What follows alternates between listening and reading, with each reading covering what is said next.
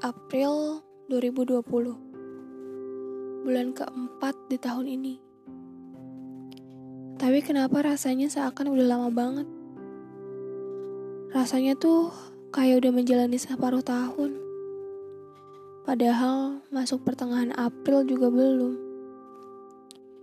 Beberapa hari terakhir atau bahkan beberapa minggu ke belakang adalah hari-hari yang berat untuk kita Untuk saya Sesak yang penuh, penat yang gak berkesudahan, sudah terlalu cukup. Mungkin kalau tahun lalu di bulan ini kita atau saya lagi gencar-gencarnya menuhin bucket list. Resolusi yang dibuat setiap awal tahun.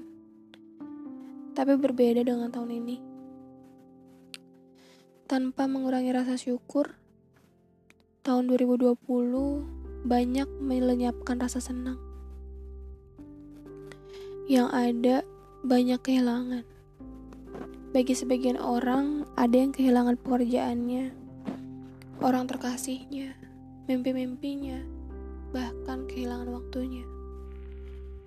Banyak rencana yang tinggal rencana, mimpi yang selangkah lagi diraih terpaksa harus berhenti.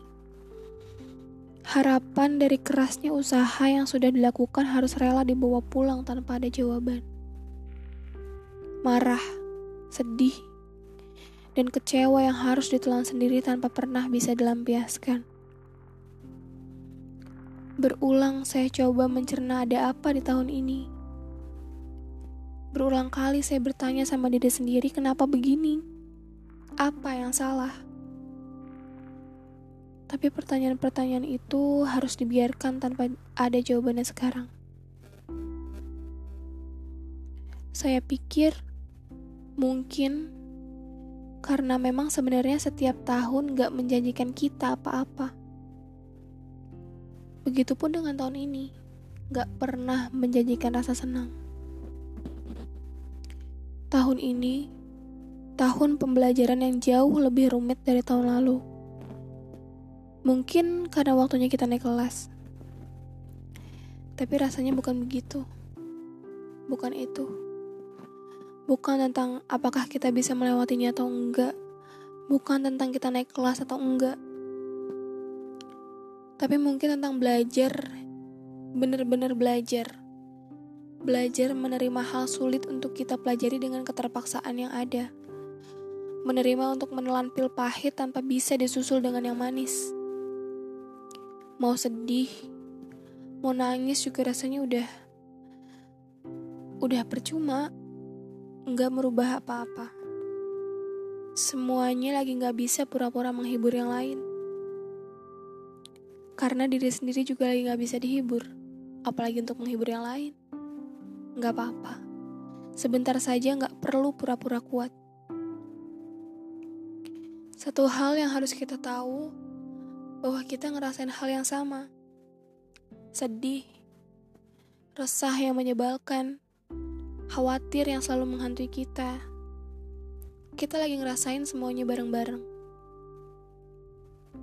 Semua hal sedih pasti bisa hadir di siapa aja kan? Jadi nggak ada yang benar-benar sedih sendirian. Semuanya juga pasti ngalamin sedih. Tapi ada yang memilih untuk gak larut dalam kesedihannya. Ada yang memilih untuk bangun dari angan-angan dan melihat kenyataan kenyataan bahwa dunia bukan tempat yang bisa ngertiin. Dunia adalah tempat yang gak adil. Mungkin sebenarnya kita udah tahu akan hal itu, tapi tapi lagi-lagi kita nggak siap dengan sesuatu yang ngagetin, datang mendadak dan kita nggak siap. Nggak siap untuk jatuh, gagal, dan kecewa. Padahal yang jual hidup enak juga nggak ada ketidaksiapan kita karena kita nggak tahu cara kerja semesta ngatur waktu untuk kita. Karena kita nggak ngerti dunia maunya apa, dan itu nggak apa-apa. Nggak apa-apa sesekali ketidakmengertian kita justru jadi jawaban dari pertanyaan-pertanyaan kita.